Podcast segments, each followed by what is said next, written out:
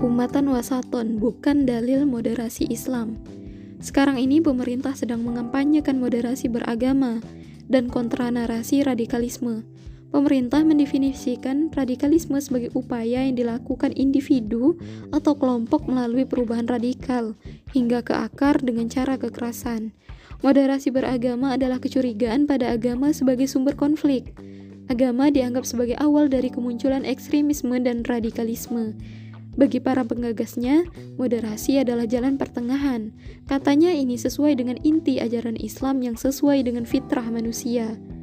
Kampanye moderasi beragama hakikatnya adalah usaha agar Islam tidak tampil sebagai kekuatan nyata dalam memberikan solusi bagi segenap permasalahan umat manusia dan menjadikan fikih Islam tidak berdaya sebagai solusi. Sebagian kalangan mengatakan bahwa ada dua ciri utama moderasi Islam, yaitu tawasud atau moderat atau pertengahan, dan tasamuh atau toleran. Pertama, tawasud atau moderat atau pertengahan. Menurut penggagasnya, tawasud dimaknai dengan sikap tengah-tengah, sedang tidak ekstrim kiri ataupun ekstrim kanan. Menurut Syekh Atto bin Khalil menjelaskan bahwa Allah Subhanahu wa taala menjadikan umat Muhammad sallallahu alaihi wasallam sebagai umat yang adil di antara umat-umat untuk menjadi saksi atas umat manusia. Allah Subhanahu wa taala menjadikan umat ini dengan sifat al-ummah al-wasat, yakni umat yang adil untuk menjadi saksi atas manusia. Keadilan merupakan syarat pokok untuk bersaksi. Jadi, frasa ummatan wasaton itu bermakna umat pilihan dan adil, khiyar udul, yakni umat yang adil dengan menegakkan ajaran Islam, bukan umat yang menegakkan kezoliman dengan menyelisihi ajaran Islam.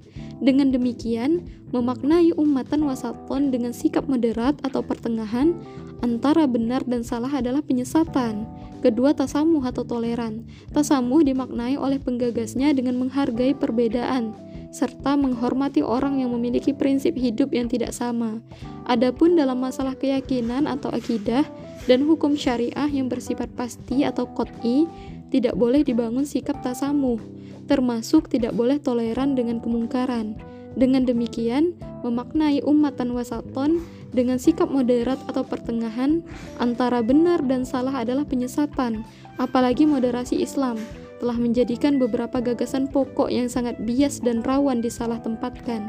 Islam tidak menafikan adanya inovasi, kreasi, dan dimanisasi dalam pemikiran masalah-masalah yang mungkin berubah, tetapi bukan dalam hal-hal yang bersifat tetap, Tajdid dalam Islam bukan berarti membuat Islam yang baru, tetapi mengembalikan Islam ke masa Rasulullah Shallallahu Alaihi Wasallam dan Al-Qurafa ar-Rasyidun berdasarkan sumber hukum Islam. Wallahu a'lam bishawab.